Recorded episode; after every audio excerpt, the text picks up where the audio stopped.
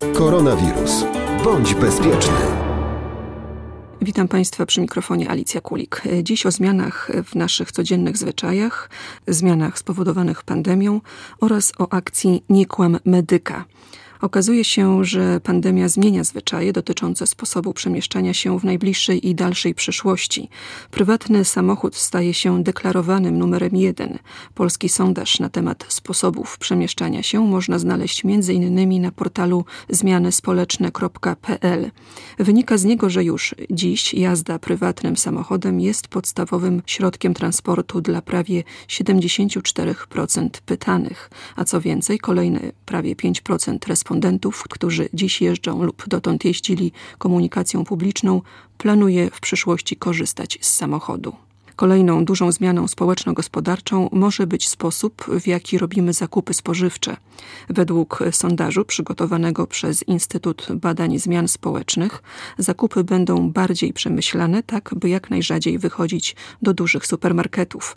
Przed wyjściem standardem może stać się robienie listy zakupów, dzięki czemu w sklepie spędzimy mniej czasu. Ograniczymy także zakupy impulsywne, czyli te robione przy okazji albo po drodze.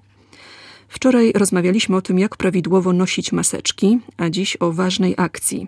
Od naszego poważnego potraktowania tego, co za tą akcją stoi, zależy bezpieczeństwo nasze i innych. Pan Tomasz Sławiński, ratownik medyczny Zespołu Ratownictwa Medycznego Iławskiego Szpitala, mm, opowie nam o akcji Nie kłam medyka. Skąd ta akcja? Dlaczego potrzeba? Jej konieczność? Docierają do nas sygnały każdego dnia, że gdzieś w Polsce są wyłączane e, całe zespoły ratownictwa medycznego, są wyłączane oddziały szpitalne. I dzieje się tak dlatego w dużej mierze, że ludzie nie są szczerzy wobec czy to ratowników, pielęgniarek, lekarzy, tego personelu medycznego, który zajmuje się no dzisiaj wiadomo czym. Ta szczerość w pierwszym kontakcie z pacjentem jest bardzo istotna, bo my ratownicy zbieramy wywiad, chcemy się dowiedzieć, czy pacjent przebywał w towarzystwie osoby zakażonej, koronawirusem, czy przebywał, gdzie są ogniska choroby, czy w ostatnim czasie miał gorączkę, kaszel, duszność i, i zbieramy taki wywiad dość kompleksowo, takie ankiety robimy i pacjenci często nie wiadomo dlaczego nie są szczerzy. Wieziemy takiego pacjenta do szpitala i w szpitalu okazuje się, że pacjent jest e, zakażony koronawirusem i przyznaje się, że tak, był na przykład w Niemczech czy we Włoszech w ostatnim czasie, e, wrócił i nie wiadomo dlaczego tak się dzieje, że, że ludzie kłamią i, i nie chcą powiedzieć tej prawdy. Powiem więcej.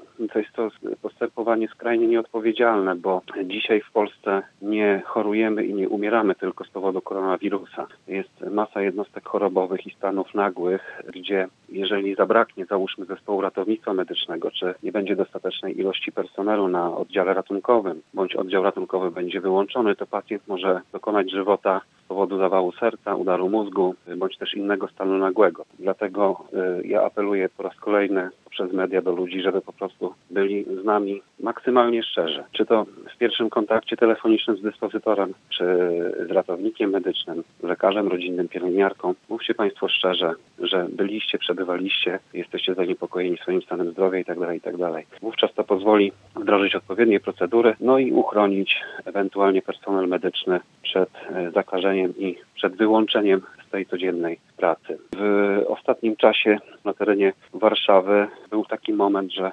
wyłączone było pół miasta z zespołów ratownictwa medycznego, a około 100 ratowników medycznych było zawieszonych w pracy. Po wstępnych badaniach tam 50 zostało skierowanych na kwarantannę, reszta wróciła do pracy.